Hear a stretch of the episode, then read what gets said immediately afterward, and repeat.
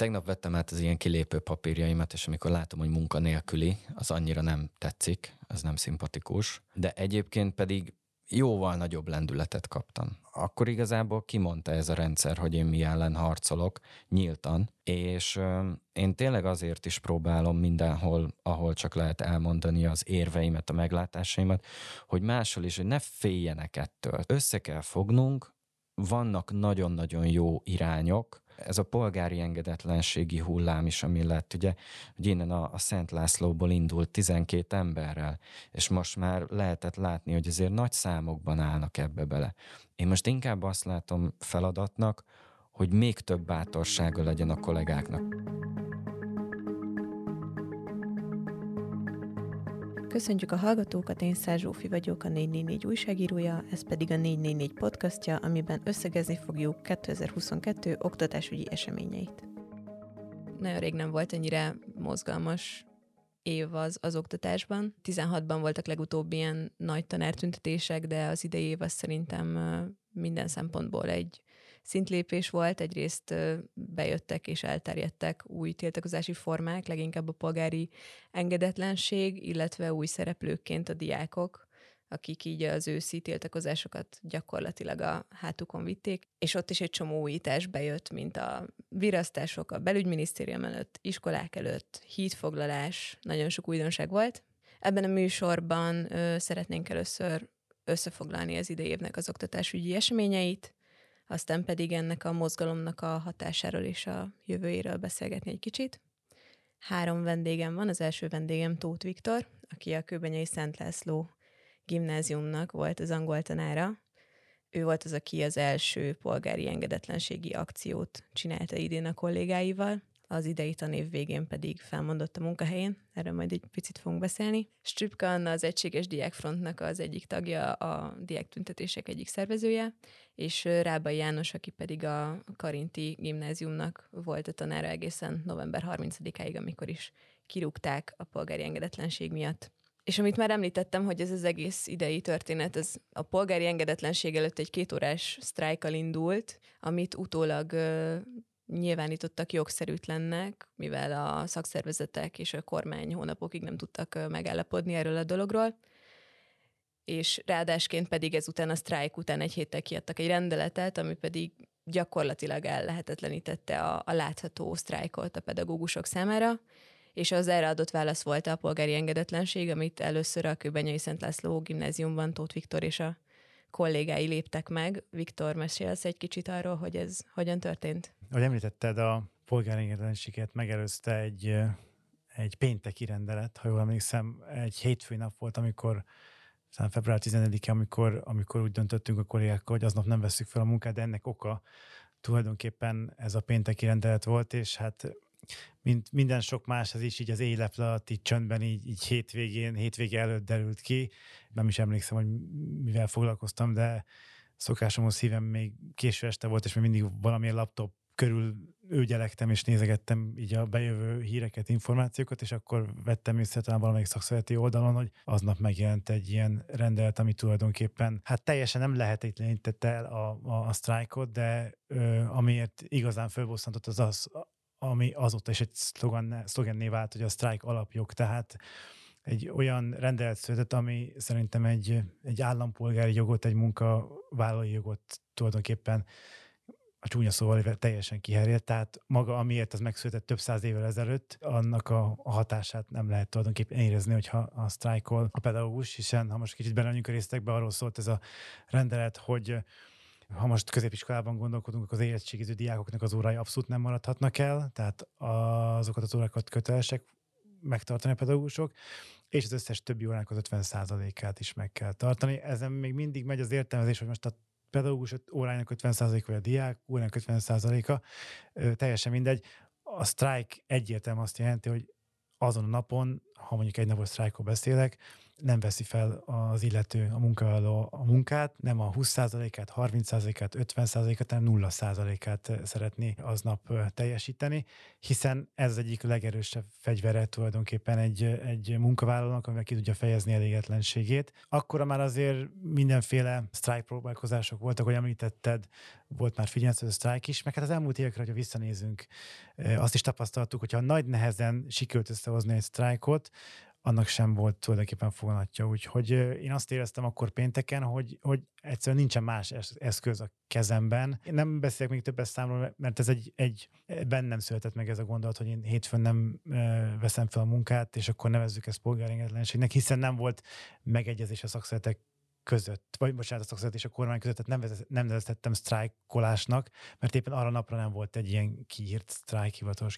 kiírt sztrájk, és azt gondoltam, hogy így próbálom kifejezni a véleményemet. Akkor csak magamra gondoltam, de hétvégén elindult egy levelezés a kollégákkal, és hát ez egy hosszabb folyamat volt szombat, vasárnap, és hát vasárnap estére egy, még egy ilyen meet találkozón a kollégákkal végül is 11-en csak tehát nem voltak 11-en, csak 10, de hétfő reggelre 12 lettünk tulajdonképpen az akkori iskolában, a Szent László gimnáziumban, aki úgy döntöttünk, hogy polgári formájában nem vesszük fel a munkát.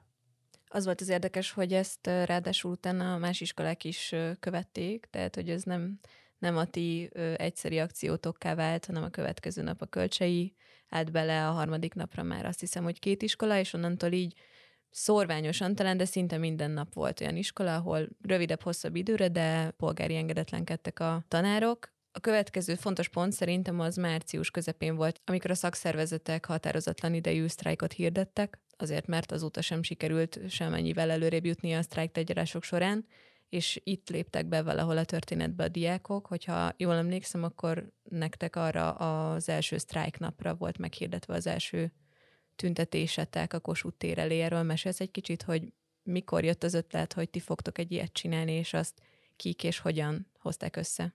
Hát maga az ötlet, az szerintem február végén már megfogalmazódott. Ha jól emlékszem, akkor talán február 28-án volt az első gyűlésünk ezzel kapcsolatban.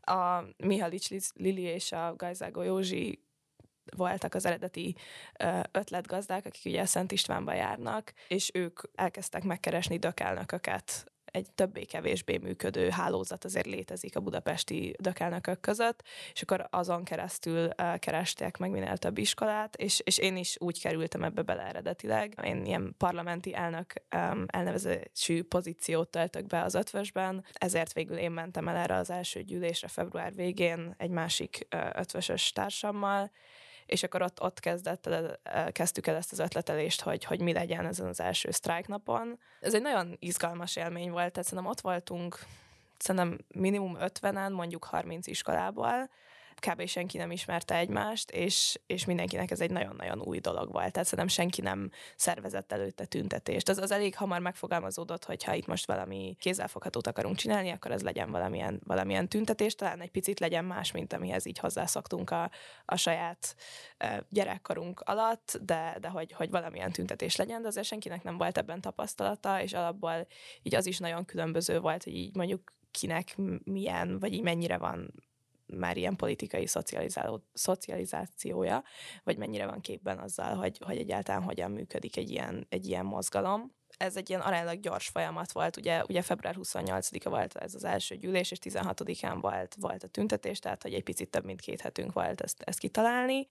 Ott még megtartottuk ezt a dök dökök közötti formát, tehát az volt az elképzelés, hogy, hogy mindenki szépen előterjesztett az iskolájának egy nyilatkozatot, amit megszavaztak a diák önkormányzatok, és utána az iskolák aláírták. Én főleg ott még ezzel foglalkoztam, az ötvös, ötvösös részt koordináltam, hogy egyrészt aláírjuk ezt a nyilatkozatot, másrészt, hogy minél többen ki tudjunk menni együtt a, a tüntetésre. Akkor még nem nagyon tudtam részt venni így az operatív részében, mert nem töltöttem még be a 18-at. Szóval inkább ilyen részvevőként láttam az egészet, de arra egy emlékszem, hogy 16 án ugye több ponton gyülekeztünk reggel. Én a fővem téren voltam az ötvösösökkel, és ugye mint ilyen hát nem, nem hivatalos koordinátor, de így az ötvösnek a koordinátora valamennyire oda mentem hamarabb, és így emlékszem, hogy egy ilyen nagyon nagy bizonytalanság volt bennem, hogy ezt most így összedobtuk két hét alatt, úgyhogy kb. nulla tapasztalatunk volt, és hogy most akkor ebből mi lesz, hogy tehát tökre benne volt a pakliban, hogy leszünk 200-an. Esett az eső, korán reggel volt, nem megyünk suliba, egy csomóan még nem értették, hogy miről is szól az, hogy most elkezdtek a tanárok itt sztrájkolni, meg polgári engedetlenkedni. Tehát, hogy, hogy volt egy csomó kérdőjel a dologban, de aztán, aztán egy nagyon nagy sikernek éltük meg rögtön. Hú, nem is emlékszem, talán ilyen 5000-6000 köré mondják, hogy, hogy annyian voltunk. Nem volt egy iszonyatosan profi rendezvény így elsőre, tehát egy kicsi színpadunk volt, rossz hangosításunk volt, de szerintem ez még hozzá is adott, mert nagyon, én nagyon-nagyon autentikusnak éreztem azt, hogy szinte tényleg csak diákok voltak, és, és nagyon-nagyon hangosak voltunk, és énekeltünk, és nem voltak beszédek, de a, a Kossuth térnek azt a részét, ahol voltunk, azt nagyon szépen megtöltöttük, és, és ez nagyon szépen átjött és szerintem azért még egészen a mai napig ez az első alkalom, ez így az egyik leg, legnagyobb ilyen hajtóerő, ami megadja azt a motivációt, hogy ezt folytassuk tovább. Ti ugye azt még akkor ö, diákokat tanárokért csoportként szerveztétek, azóta viszont egységes diákfront van. Elmondod, hogy a ti szervezetetek hogyan nőtt tovább ebben az elmúlt időszakban, és ö, hogyan alakult ki ez az egységes diákfront, és ez micsoda? A diákok a tanárokért valamikor a március 16-ai tüntetés után született meg, mint koncepció, mert elég hamar rájöttünk arra, hogy ez a diák önkormányzatos forma ez nem fog működni a hosszú távon.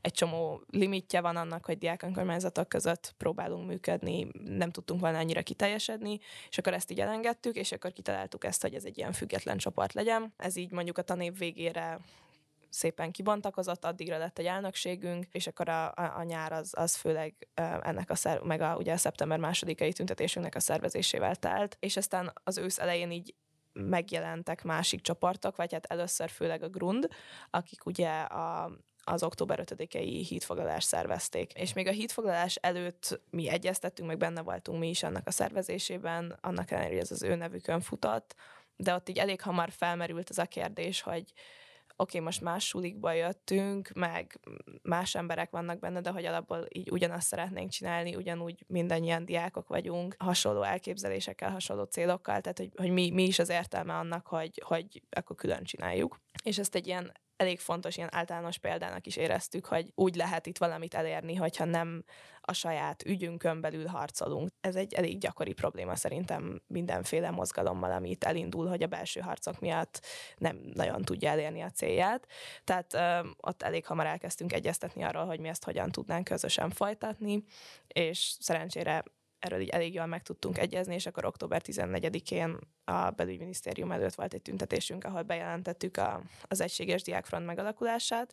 Ugye akkor ez a, ez a DAT és a Grund volt, illetve már akkor is uh, alakultak a vidéki csoportok. Azt hiszem, hogy 15 bázis bázissal dolgozunk, most ez, ez az elnevezése a különböző csoportoknak, most né, négy darab budapesti bázis van, és, és ugye akkor kb. 11 vidéki, Hát és az az elképzelés, hogy, hogy van ezeknek a csoportoknak autonómiája, mert főleg a vidéki csoportoknál ez nagyon fontos, mert ők látják a helyi problémákat, ők tudnak arra jól reagálni. Nem egy ilyen Budapestről irányított, ilyen központosított dolgot szeretnénk kialakítani, de hogy közben meg van egy ilyen összefogó arculat, kommunikáció, próbáljuk összehangolni az eseményeket, a, a célokat, és szerintem eddig ez, ez jól működik. Tehát megvannak a a nehézsége is, mert egy egyre nagyobb, egyre inkább szertágazó szervezetet kell koordinálni, de másrészt meg szerintem ez egy nagyon fontos lépés volt, hogy ezt megtettük, mert ez, ez egy fontos üzenet, hogy, hogy ezt mi együtt szeretnénk csinálni. Ez most nagyságrendileg hány ember, aki az Egységes Diákfrontnak a részese? Már a jelenlegi tagság az ilyen 150-200 körül van, most ebből persze, hogy ki mennyire aktív, az, az nagyon változó, de még vár szerintem még ilyen 200-300 ember arra, hogy felvegyük őket. És akkor ugye lehet különböző pozíciókra jelentkezni, tehát ez nem, nem azt jelenti, hogy mindenki tüntetéseket szeretne szervezni, hanem vannak dizájnosok, IT-sok, médiások, stb. Nagyon nagy érdeklődés látunk a diákságtól, és ez, ez nagyon jó, bár úgy, hogy közben ugye folyamatosan az akciókra is kell fókuszálnunk, meg nagyon gyorsan kell reagálnunk, úgy közben az egy nagyon nehéz folyamat, hogy 200 embert próbálunk felvételi feliztetni. Ősszel ugye felélénkültek a tiltakozások, viszont a kormánynak a reakciói is határozottabbak lettek. Szeptember elején a diákoknak a tüntetésével indult ez a tanév, és szeptember 30-án rúgtak ki öt tanárt a költseiből, aztán két hónappal később, november végén pedig újabb három budapesti gimnázium nyolc tanárát bocsájtották el, János, te vagy az egyikük. Elmondod, hogy te mennyit polgári engedetlenkedtél előtte abban az időszakban, és mennyire számítottál arra, hogy, hogy ki fognak rúgni téged. Úgyhogy azért az látszott, hogy a kölcsei és kirúgások után megtorpant ez a dolog, utána is nagyon sok polgári engedetlenség volt, és mégsem voltak elbocsájtások, maximum ezek a fenyegető levelek, és aztán hirtelen az iskoládból öt embert elbocsájtottak. Hát igazából, amikor a kölcseiből kirúgták ugye a, a kollégákat, az volt valóban nekünk a, az olaj a tűzre. Már ugye a sztrájk jognak a megcsorbítása és megnyírbálása is már olyan volt, amikor én magam úgy éreztem, hogy, hogy tehát, hogy ez egy ellenem való cselekedet, tehát, hogy, hogy ez nem jogos, és én nem feltétlenül akarnék egy ilyen rendszerben élni, ahol ez bármikor meg lehet csinálni. És amikor pedig azt láttam, hogy kollégákat bocsájtanak el, akkor igazából már akkor megszületett bennem, hogy jó, hát oké, akkor ez bármikor lehetek én is, hogyha egy szimpla véleménynyilvánításért elbocsájtanak. És akkor mi úgy döntöttünk, hogy, hogy igenis keményen bele kell állnunk, és talán azt is lehet mondani, hogy valahogy a gimnáziumunk egy picit innentől kezdve ilyen sereghajtóként vett részt ezekben, és pont itt a külpesti kerületek voltak nagyon erősek most, és szóval összefogtunk, próbáltunk végig nagyon egységesek lenni. Nagyon nehéz ezt most megmondani, hogy valójában mennyit engedetlenkedtem.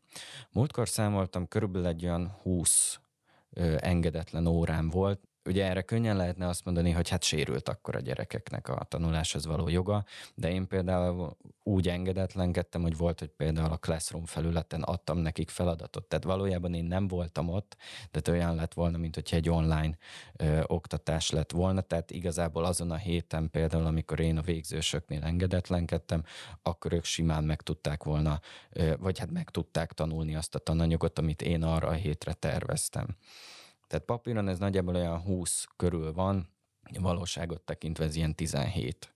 Ez azt jelenti, hogy körülbelül, mint hogyha én mondjuk kísérő tanárként így elmennék egy kirándulásra, és akkor mondjuk három napig én nem látnám se az osztályomat, se az általam tanított osztályokat, tehát akkor elvileg ugyanúgy sérül a joguk, mint hogyha, mint amit ugye az engedetlenségnél csináltam, szóval őrületesen jogtalan, amit csináltak velünk. Hát azon a héten, amikor elbocsátottak minket, ugye mi ott szoktunk, tart, hát szoktunk, az túlzás két ilyen fórumot tartottunk, a, először a tankerületi, aztán a kerületi iskoláknak, és úgy jöttünk el hétfőn, tehát ez a november 30-ai hétfő, vagy tehát azon a héten, hogy láttuk, hogy most ez úgy valahogy így zsákutcába került ez a mozgalom. Tehát, hogy tovább nem akar senki lépni, most ezt nyíltan kimondhatom, igazából arról beszéltünk, hogy bezárjuk az iskolákat, vagy sem.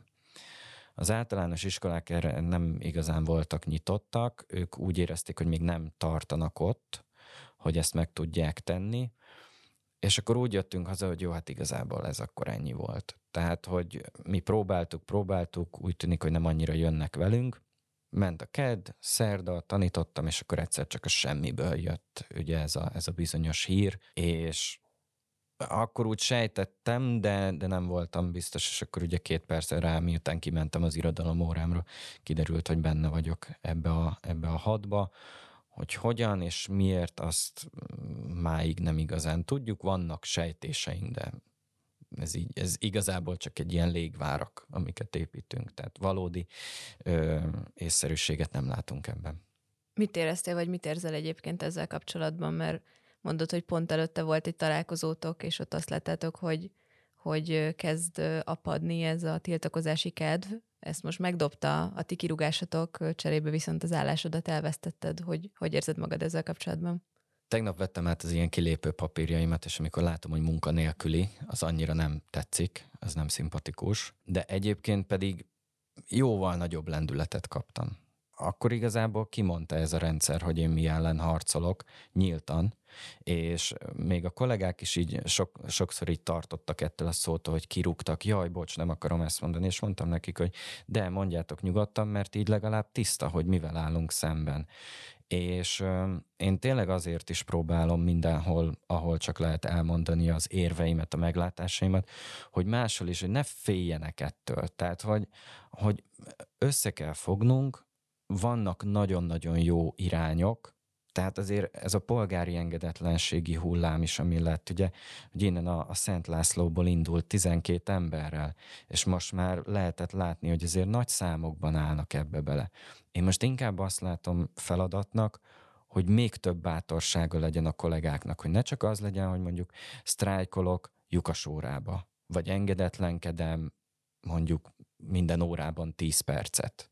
Tehát, hogy, hogy ne ez legyen, hanem hogy próbáljanak bátrabban beleállni, mert hogyha sokan vagyunk, akkor alapvetően, alapvetően meg tudjuk védeni egymást. Tehát én például kifejezetten nagy lendületet kaptam, és őrületesen sok támogatást. Nagyon-nagyon sokat. Tehát szerintem ez is tanulságos.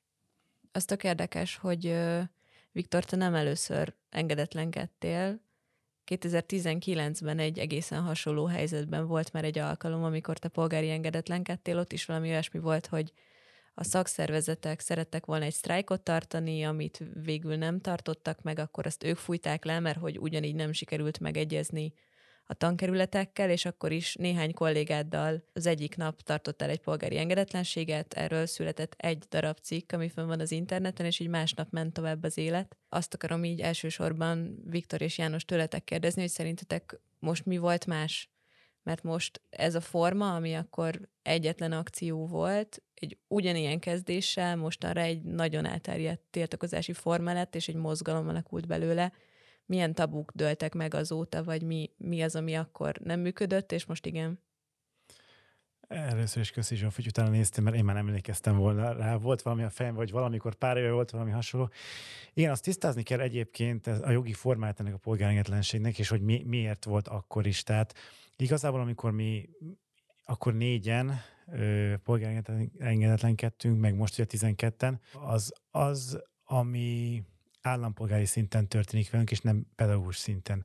Ugyanis a polgárjetlenség az, az valamilyen jogszabály ellen. Tehát amikor mi kiálltunk polgárjetlenkedni két alkalommal, akkor nem a fizetésünkért álltunk ki, nem az oktatásért álltunk ki, nem a, a, a, a diákokért álltunk ki, hanem úgy álltunk ki, mint állampolgárok, akik, akiket alapvető jogaikban sértett meg a, a kormány, a hatalom, az akkori hatalom. És igen, jól emlékszel, 19-ben is valami olyasmi volt, hogy be volt jelentve a sztrájk, és de valami reggel hatkor vagy hétkor, az utolsó pillanatokban jött föntről valamilyen nyomás a hatalomtól, és a tankerületeknél lefújta az egészet, hivatkozva valamire. Persze ez azért jó technika, mert lehet valamire hivatkozni, el lehet kenni az egészet, majd aztán két-három hónap múlva a bíróság eldönti, hogy az igazából jogos vagy nem jogos volt, de akkor ugyebár megszűnik az az esemény. Tehát a lényeg az mindig a hatalom részéről, hogy a, a látszat fennmaradjon, béke van, nyugalom van, nem, nincsen semmilyen zavargás.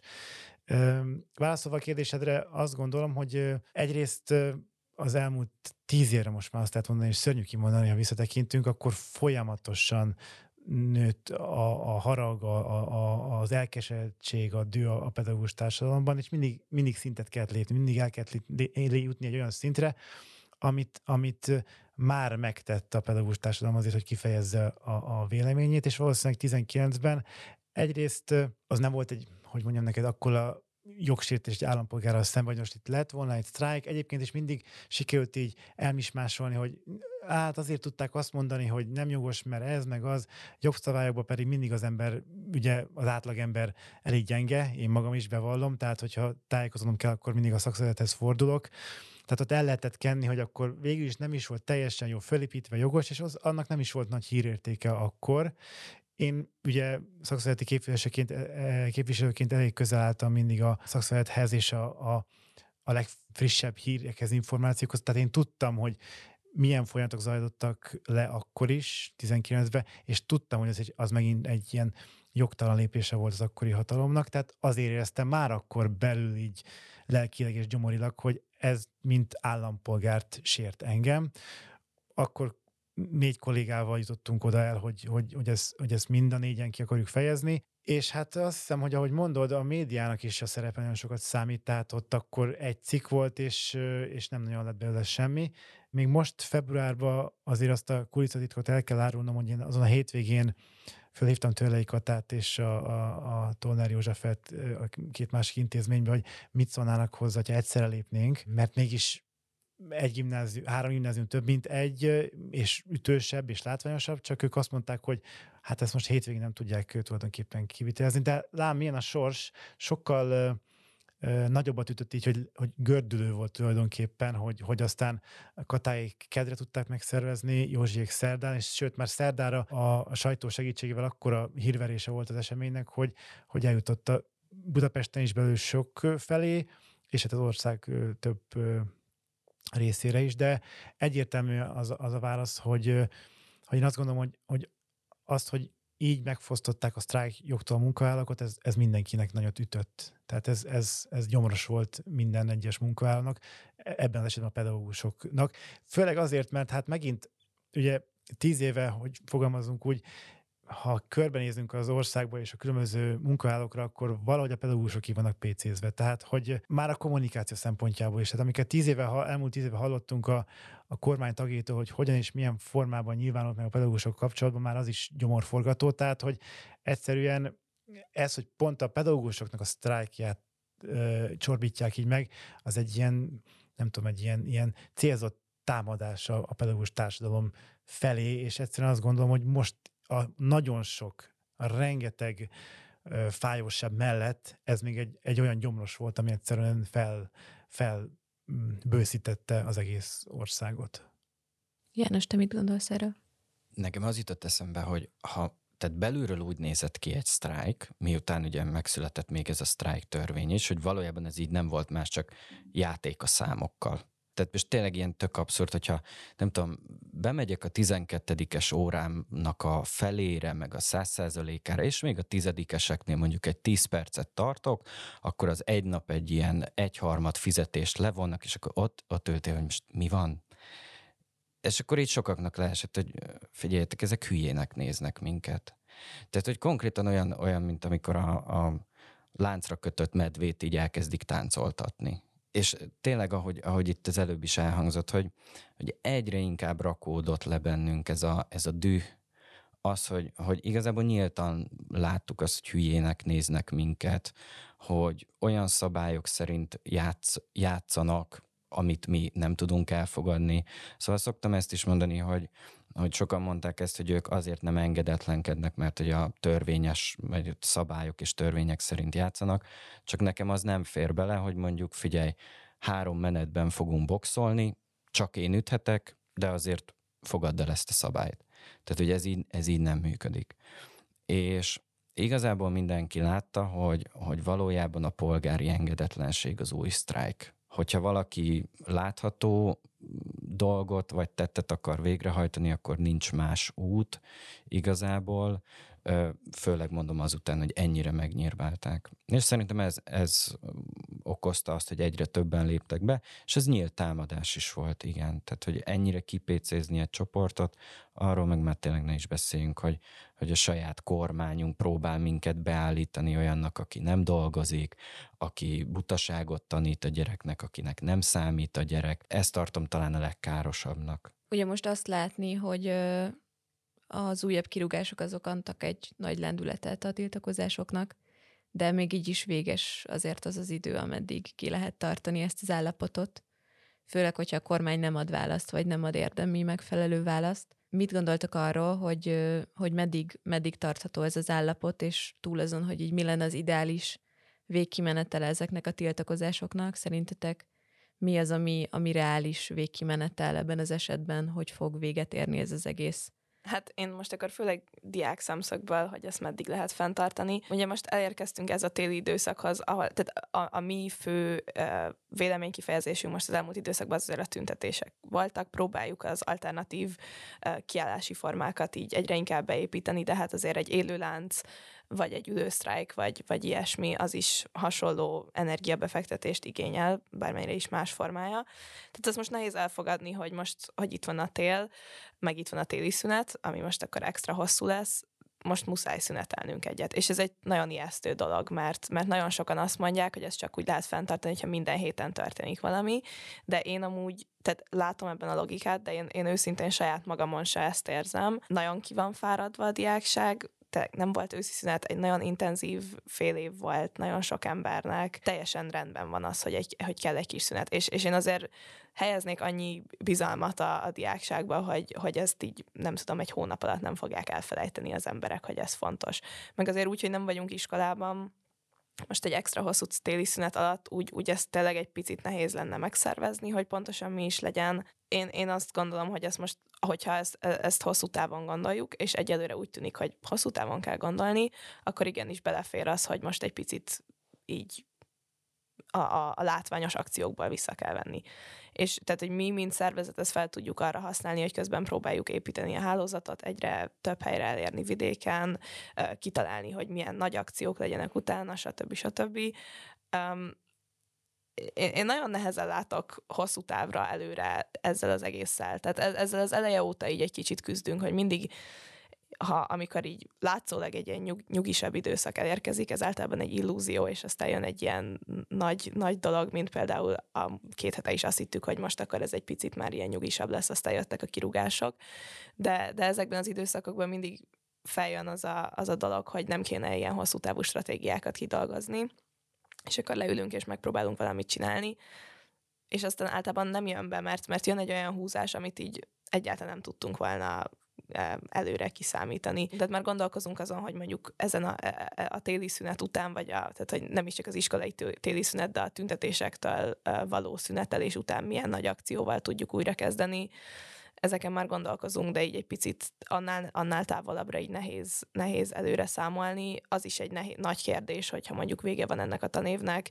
és az aktív uh, emberek közül nagyon sokan leérettségizünk, akkor pontosan hogy fog, hogy, hogy épül be az utánpótlás, ami amúgy abszolút van, de hát igen, persze, tehát hogy véges az, hogy, hogy meddig, meddig van az embereknek kitartása, meg kreativitása, mert szerintem eddig nagyon nagy erő van abban, hogy, hogy tudtunk újat mutatni, és nem gondolom azt, hogy ez kifogyott volna, tehát hogy még, még vannak ötletek és lesznek ötletek, de ez a végtelenségig nem mehet el. Reális megoldást, vagy végkimenetelt, meg hát én ugyancsak nehezen látok, tehát reális első lépéseket, vagy aminek már örülnénk, azokat így lehet mondani. Tehát majd azt is meglátjuk, hogyha most előbb-utóbb megérkeznek az EU-s pénzek, akkor a, a bérkérdésben merre tudunk haladni, és aztán ezekkel lehet tovább dolgozni.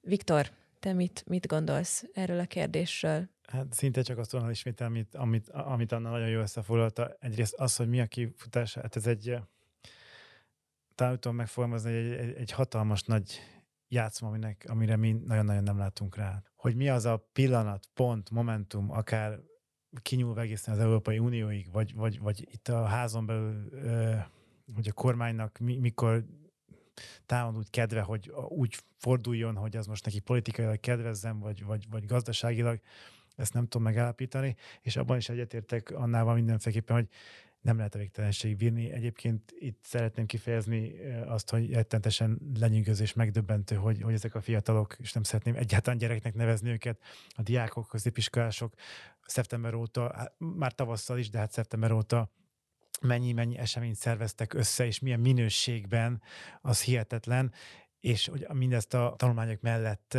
teszik, tehát ezt nem lehet végtelenség húzni, muszáj pihenni. Diáktól és tanártól is ö, rengeteg energiát ö, ö, emészt fel maga a lét, és én most egy kicsit könnyebben beszélek, hogy kiléptem ebből a közegből. A feleségem még mindig abban a gimnáziumban tanít, ahol én tanítottam, és hát tartom a kollégámmal kapcsolatot. Én azt látom, hogy hogy egyszerűen benne élni, benne lenni a nap, mint nap, az lelkileg nyomasztja és nyomorítja meg a, a pedagógust, muszáj valamit kitalálni, amivel nap mint a ki is fordul belőle, kikapcsolódik, meg ilyen szakaszokat, hogy egyszerűen, és hát természetesen az ünnepek erre kiválóan alkalmas, hogy az ember teljesen kizárja ezt, és, és, és a családja felé forduljon, és a szerettei felé forduljon. Biztos vagyok benne, főleg ha a diákokra számíthatunk, hogy januártól lesznek további események. Én bízok a kollégáknak a kreativitásában, és őket is csak csodálom, hiszen, ahogy az előbb mondtam, rettetesen felőrlő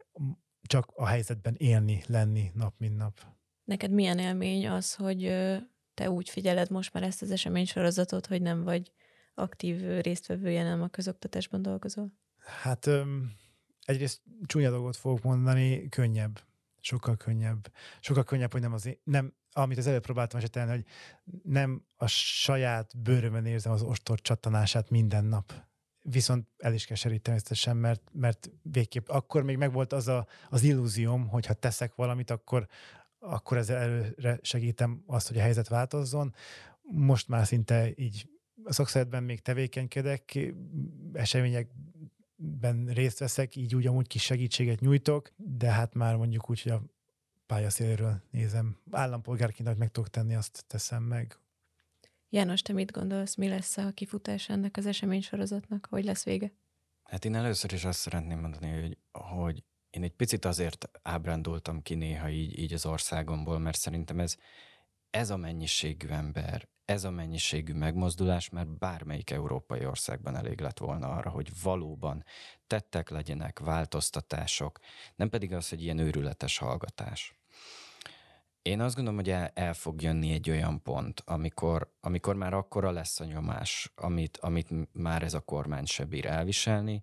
Ez ugye lehetett látni, hogy már ígérgetések vannak, tehát mindenféle ilyen, hát a klasszikus ehhez és ehhez kötöm, hogy majd akkor mi adunk pénzt, de ebben a rendszerben, amiben élünk, már ez is egy eredmény, és ez azt mutatja, hogy viszont ezzel nem szabad megelégedni.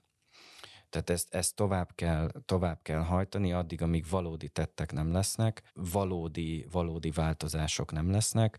Én nem gondolom azt, hogy az ideológiában változás lesz. Tehát, hogy pont az, ami nem kerülne pénzbe, például, vagy kevesebb pénzbe kerülne a natnak az átírása, és a többi, és a többi, abból nem fognak engedni. Tehát, hogy ez, ez, az, ő, ez az ő életművük, hogy úgy mondjam, ebből elég nehezen tudnának engedni, viszont az, hogy, az, hogy mondjuk az iskolák állapotát javítsák, és direkt nem mondtam elsőnek a pedagógus béreket, de hát az, azzal is kell valamit csinálni. Tehát, hogy, hogy én is ugye még viszonylag fiatal, talán kezdő tanárnak még számítok, de nagyon sok olyan diákom volt, akik gondolkodtak a pedagógus pályában, de végül azt mondták, hogy nem, mert hogy, mert hogy egyszerűen tényleg nem lehet megélni kivéve akkor, hogyha nem tudom, van valamilyen családi háttér, ami, ami támogat.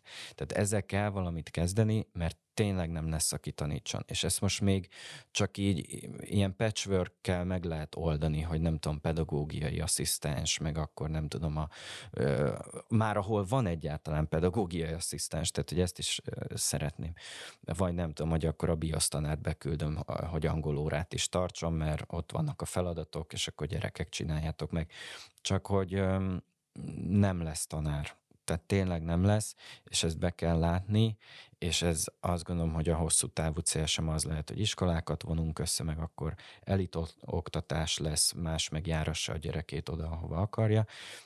Tehát ha valóban ez a kormány törődik Magyarországgal, amit szeret, akkor ezzel foglalkoznia kell. Az elmúlt napok hírei alapján úgy tűnik, hogy meg fogja kapni Magyarország azokat az EU-s pénzeket, amiből a tanároknak a fizetésemelését is szeretnék fedezni.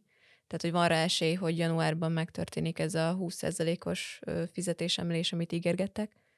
Mit gondoltok róla, hogy ez egy eredménynek tekinthető, hogyha megtörténik ez a fizetésemelés, vagy pedig úgy tekintetek rá, ez többször elhangzott már, hogy megakaszthatja mondjuk a tüntetéseknek a lendületét az, hogyha ezt a részeredményt sikerül elérni, támogatókat veszíthet akár az ügy azzal, hogy több pénzt kapnak a tanárok. Hát ahogy mondtad, ez részeredmény. Tehát, hogy, hogy azt, kell, azt kell tisztázni, hogy, hogy akkor, ha már hosszú távú célokról beszélünk, tehát az jó, hogy az Európai Unió adott pénzt. De ezt a magyar államnak kell fenntartani az oktatást. Tehát a, az Európai Unió nem fog mindig pénzt adni erre, és ugye, hogyha nagyjából számokról beszélünk, ez ugye többször elhangzott ez a szám, hogy az a 40 os emelés, amit kértek a pedagógusok, az nagyjából 900, 290 milliárd lett volna, Na most ugye a Vodafont, amikor megvették, az 700 milliárd környékén volt, vagyis hát, hogy beléptek ebbe az üzletbe. Tehát, hogy ez valójában a költségvetés ezt azért ki tudná gazdálkodni. Én is ezt úgy mondom, hogy nem értek hozzá, tehát adatokat mondok csak, amiket hallottam, és ezek mm, eléggé hiteles adatok. Szóval ezt kezelnie kell a kormánynak, és nem lehet majd mindig egy Európai Unióra bízni ezt.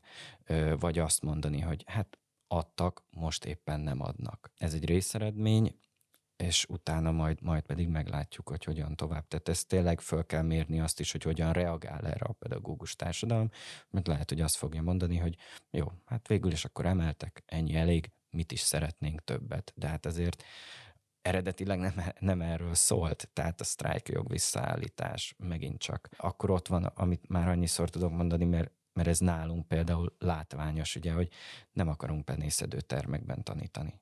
Ezek olyan alapvetések, amit azzal nem oldunk meg, hogy jó, akkor picit több lesz a fizetés.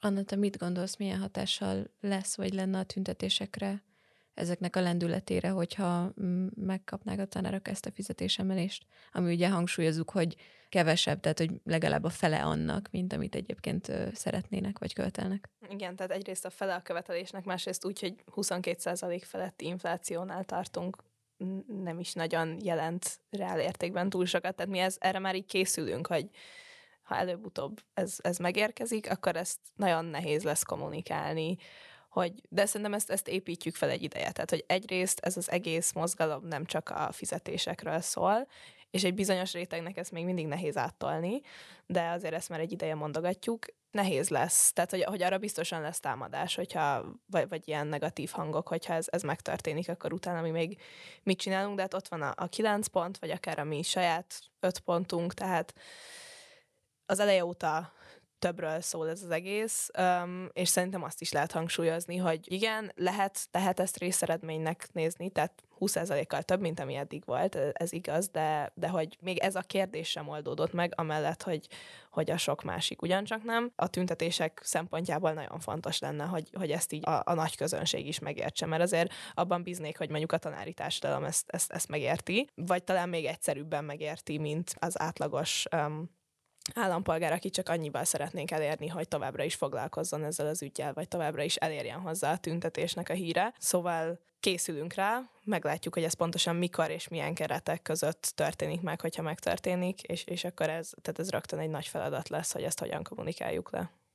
Viktor, te mit, mit gondolsz erről a béremelés helyzetről? Sok mindent hasonlót, mint az előttem szólók, csak nem akarok ünnepfantól lenni. Öm, hogy van a mondás, félek a görögtől, még ha ajándékot hoznak is?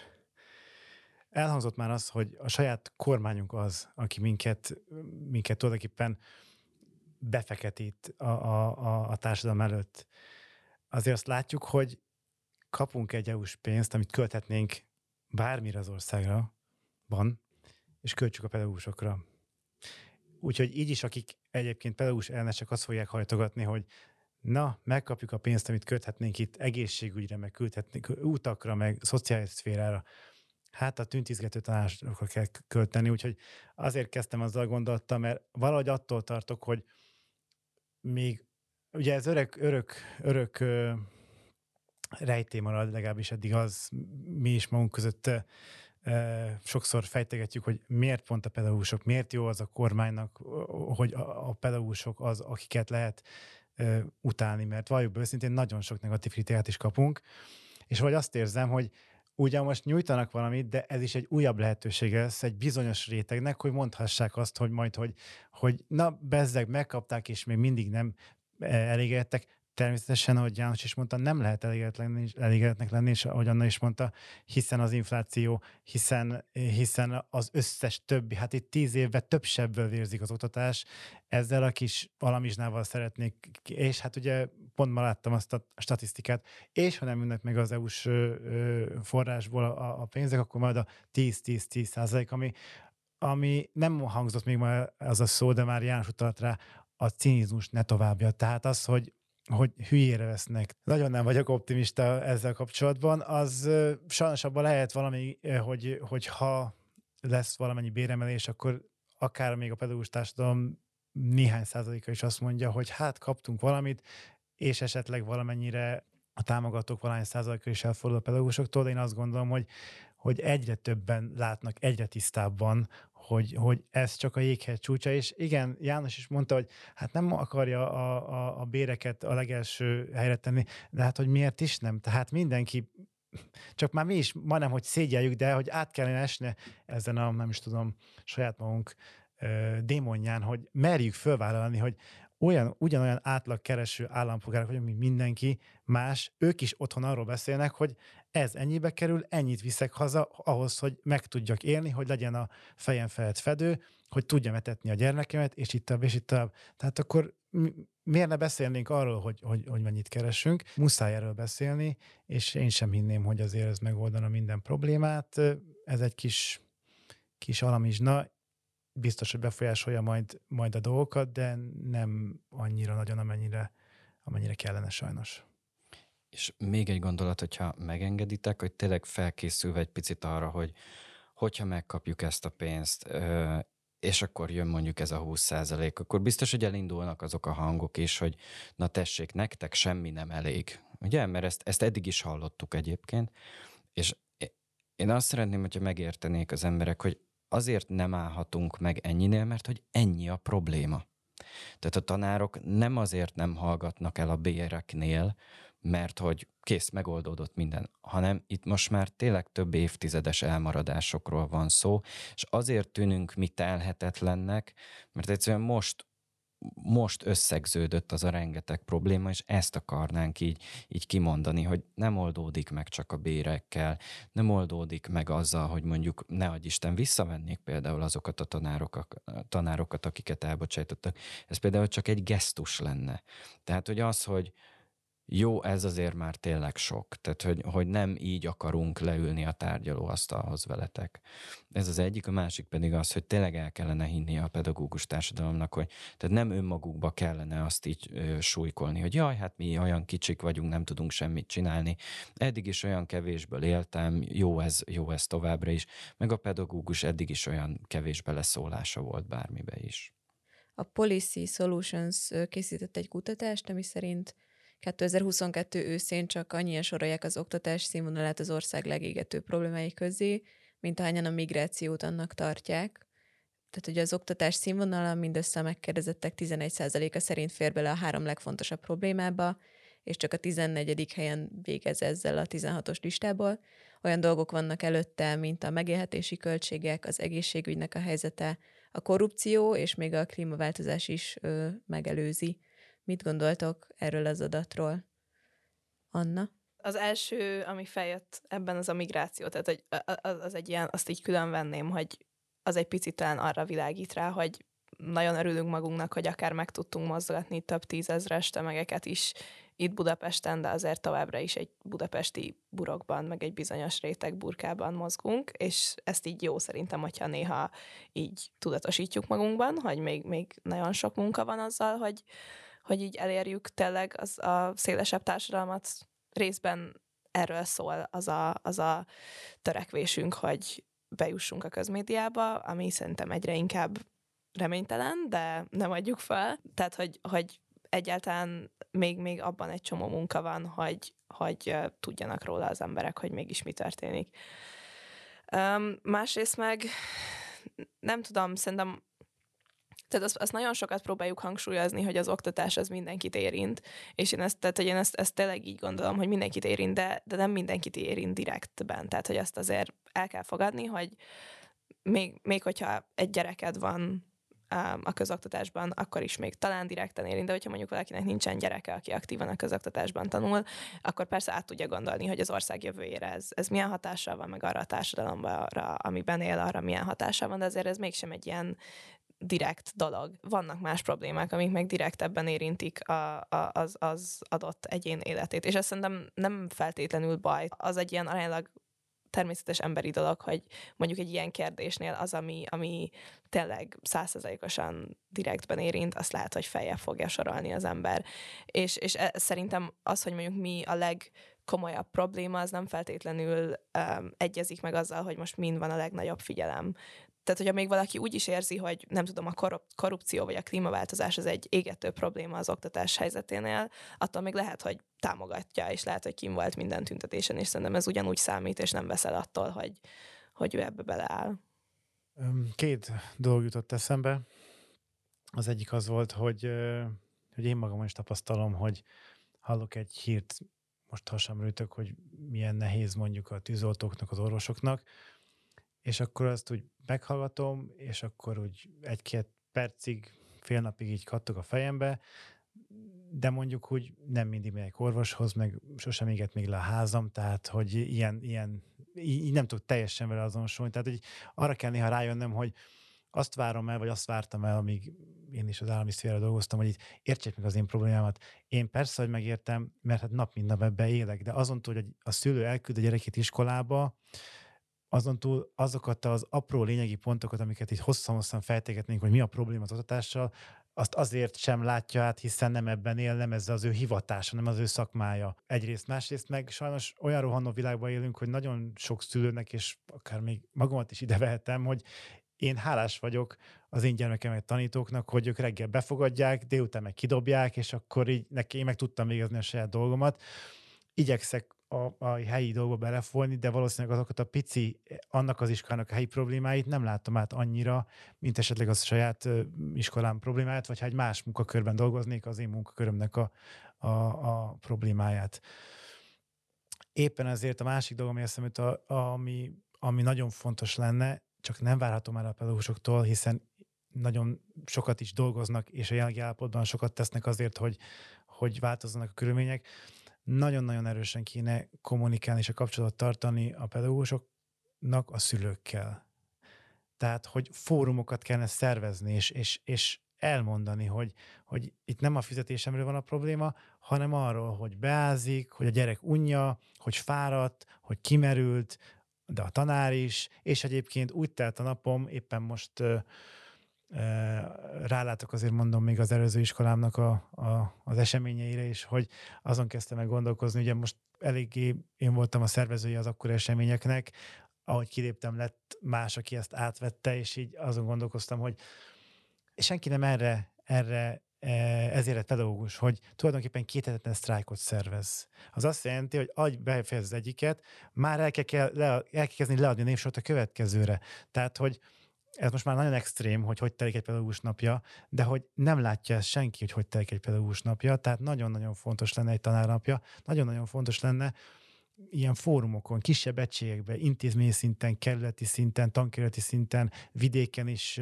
összehívni a szülőket, és arról beszélgetni, hogy egyáltalán látják, hogy mi, mi a pedagógus nehézség azon hogy nem keres eleget, és hogy fáradt. Tehát, hogy ez lenne a megoldás. Sajnos azt én sem látom, és én sem tudom, hogy erre még pluszba hogyan, hogyan milyen szerveződés kéne, vagy milyen fórumokon keresztül lehetne ezt megtenni, hogy még többet tudjanak a szülők arról, meg a társadalom is arról, hogy tulajdonképpen mi zajlik egy iskola épületén belül nap, mint nap. János, neked mi jutott eszedbe erről az adatról? Én ebből azt hallottam ki, hogy, hogy vannak tényleg olyan problémák, amik égetők, mindennaposak. Tehát hogy az, hogy a megélhetés, ez tényleg az egy fizikai szükséglet, azzal folyamatosan dolgozni kell, de vannak tényleg ilyen nem valós, vagy csak kialakított, megformált problémák. És a probléma szerintem az, hogy az oktatás ugyanott szerepel, mint ahogy a migráció. Tehát, hogy, hogy azt kellene valahogy nekünk elérnünk, pedagógusoknak, akik ezen dolgozunk, hogy, ezt egy valós problémának érzékeljék. Tehát, hogy ugyanúgy, mint mondjuk a, a korrupció, ott is ugye azért van különbség a között, hogy mindenki mondja, hogy jaj, olyan korrupt minden, de ezért nem csinálunk semmit, hogy ne így legyen. Szerintem most azt kellene elérni, hogy az oktatást tényleg valós problémának érezzük, olyannak, ami kihatással van ránk, és hogy ezért tenni is akarjanak a, a, a nagy tömegek.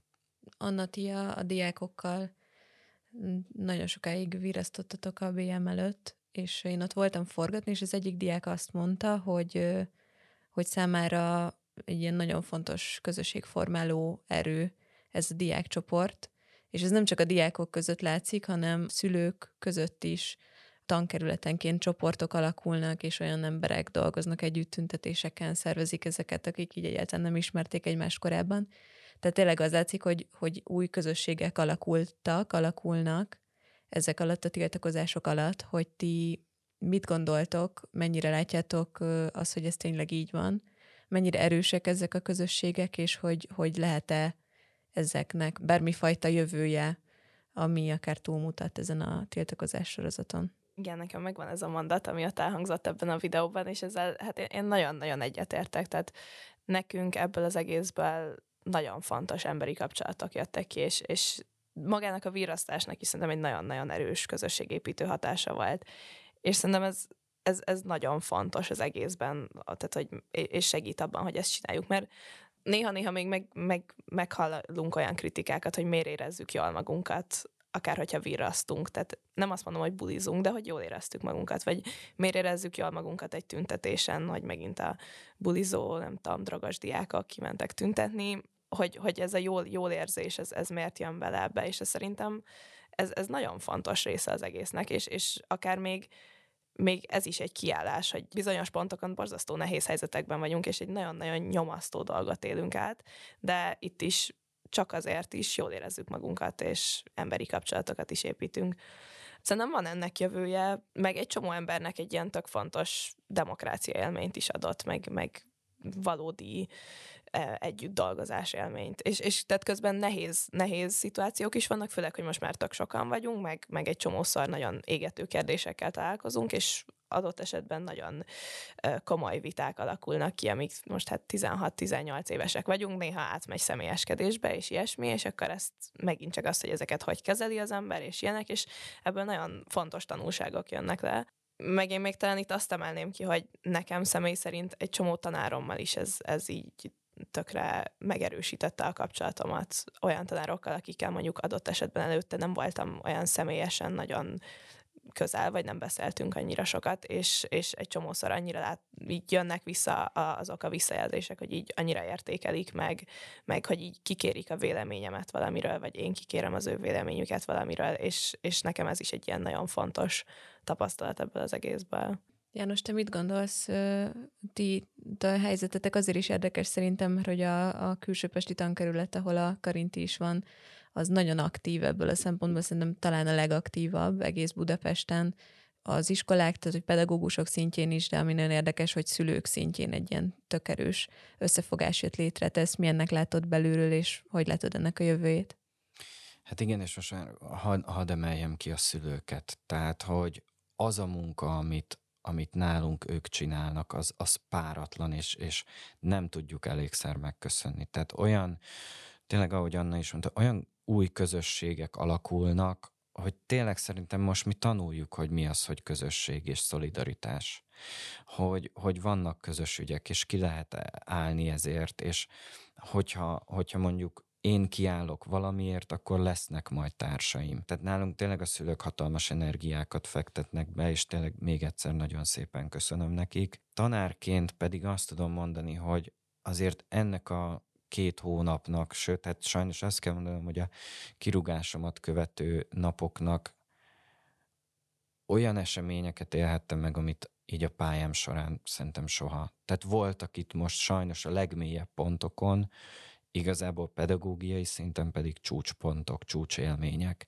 Tehát az, amikor mondjuk a kirugást követő, nem tudom már hanyadik napban, mert összefolynak a napok azóta, de hogy tartottunk egy iskola gyűlést, egy fórumot, ahol nagyjából két-háromszáz diák jelen volt. Mi elmondtuk, hogy éppen hogy vagyunk a kirugott tanárok, majd pedig igazából előjött belőlünk a tanár, mert hogy megkérdeztük, hogy hogy sokszor van az, hogy azt mondják, hogy a diákok nem is tudják, hogy miért vannak kint. Csak, csak azért mennek ki, mert hogy látják, hogy a tanáruk kint van, meg hogy milyen jól, jól lehet bulizni, stb. stb. És megkérdeztük tőlük, hogy meséljétek el, hogy ti most miért vagytok itt ezen a fórumon, ti hogy látjátok a helyzetet.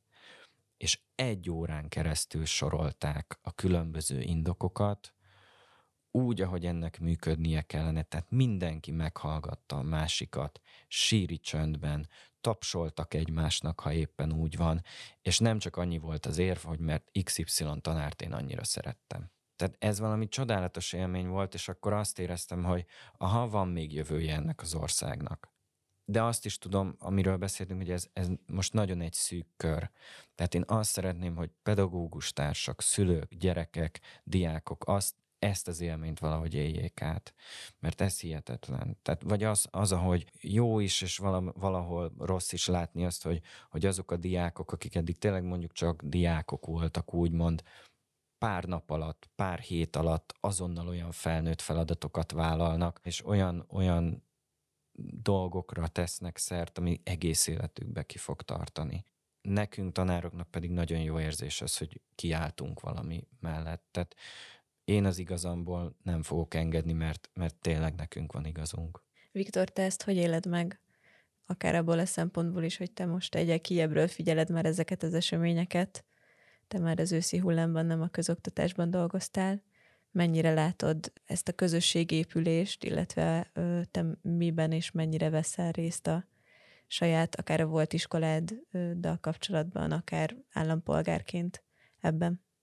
Kapcsolódva a többiekhez, én is azt tudom mondani, hogy ha valamilyen pozitívumot vehetünk ki ebből az elmúlt egy évből, öt évből, tíz évből, akkor az a nagyon fontos fogalom, amit János említett, amit én egyébként szívfájdalmam nagyon-nagyon hiányolok az egész országban az a szolidaritás. Tehát, hogy persze ez mindig ilyen, ilyen nyálás, hogy akkor nyugathoz hasonlítjuk magunkat, meg minden. Ugye van egy sajátságos történelmünk itt a Vasfüggönyön innen.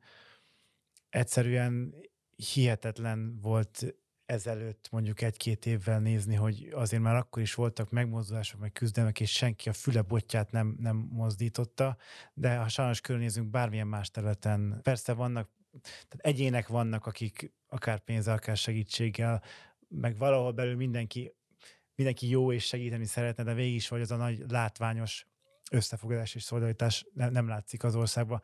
Nagyon sok területen érezhető ez tényleg, ha van valami hozadéka ennek az egésznek, ennek a szörnyen szomorú és, és rettesen ijesztő folyamat van, ami, ami évek óta zajlik az ottás körül, akkor, akkor talán ez. De nem tudom, attól félek, hogy túl drága fizetünk. Tehát most, hogy így a többieket hallgattam, így Anna még azért elég fiatal ez, de hogyha lenne egy ilyen mágikus szerkezetem, és mínusz tíz év Hoffman akkor lehet, hogy szeretném visszafordítani az időkerekét. Um, nem tudom. Fájdalmas e- ennyit fizetni, ilyen drágát fizetni, ezért, hogy az ország megtanulja, mi az, hogy szolidaritás. Mert nem csak az ország jövőjéről beszélek, az oktatásról és a fiatalok jövőjéről, hanem, hanem az egyéni sorsokról is. És akár Jánosé, akár, akár számtalan kollégáknak a, az apró sztoriát az elmúlt 5-10 évben lehet olvasni. Az elkeseredett, hosszú-hosszú leveleket, hogy, hogy megszakad, hogy, hogy egy albérletbe, hogy éjjel-nappal, tehát az jut eszembe, amikor, és bo- bocs, hogy ilyen keső vagyok, de egyszerűen így e-, ez jut eszembe, amikor az, az egészségügyről beszéltünk, amikor először láttam Sándor Máriát egy, egy, egy tévéműsorban, aki könnyek között könyörgött a magyar államnak, hogy hogy fizessék ki az ő túróját, mert nem tudja eltartani a gyerekeit. Szóval um, nagyon-nagyon szomorú, hogy ilyen drága fizetünk érte. Uh, hát ami engem illet, igen, én ebből, ebből tulajdonképpen az elmúlt tanév végén kiléptem, és ahogy mondtam, fogalmaztam, szinte azzal, hogy kiléptem, a, a, ott a pályát, így, így egy ilyen nagy zsákot le is tettem. Szakszereten keresztül tudom követni az eseményeket a lehető legtöbb. Egy magániskolában vagyok, és hála Istennek az iskola is próbál szolidális lenni, úgyhogy a diákokkal együtt részt vettünk a budapesti élőláncokon szinte az összesen. Amúgy is magánemberként is kimennék a, a, az eseményekre, de a szakszereten keresztül is ott vagyok, segítek, tevékenykedek, amennyire csak tudok, és, és még egyszer mondom, tényleg annára nézve, hogy, hogy, hogy nagyon nagy köszönet, hogy azt hiszem az őszi eseményeknek a, a, az egyik mozgatója az a diákság volt. Nagyon sok kolléga is kiállt, itt eszembe jut a, a Nemes Nagy Ágnes szakiskolának a performance példát, tehát olyan hihetetlen és különleges és az is élmény, majdnem, hogy szakrális élmény, ami, amilyen előadás, bocsánat, ezt fogalmazom, amilyen előadásban ők ezt előadták, szívfacsaron gyönyörűen adták elő azt, hogy ahogy tiltakoznak, de az egyszerűen sziketelőszalaggal legalasztott száj is egy olyan kép tud lenni, ami egyszerűen az embernek a szívéig tud hatolni. Kár, hogy ilyen körülmények között kell ezeket mind-mind meg, megélnünk. Az adásnak a végéhez érkeztünk, úgyhogy a hallgatóknak köszönjük szépen, hogy végighallgatták, és nektek pedig nagyon köszi, hogy eljöttetek. Köszönjük. Köszönjük. Köszönjük szépen.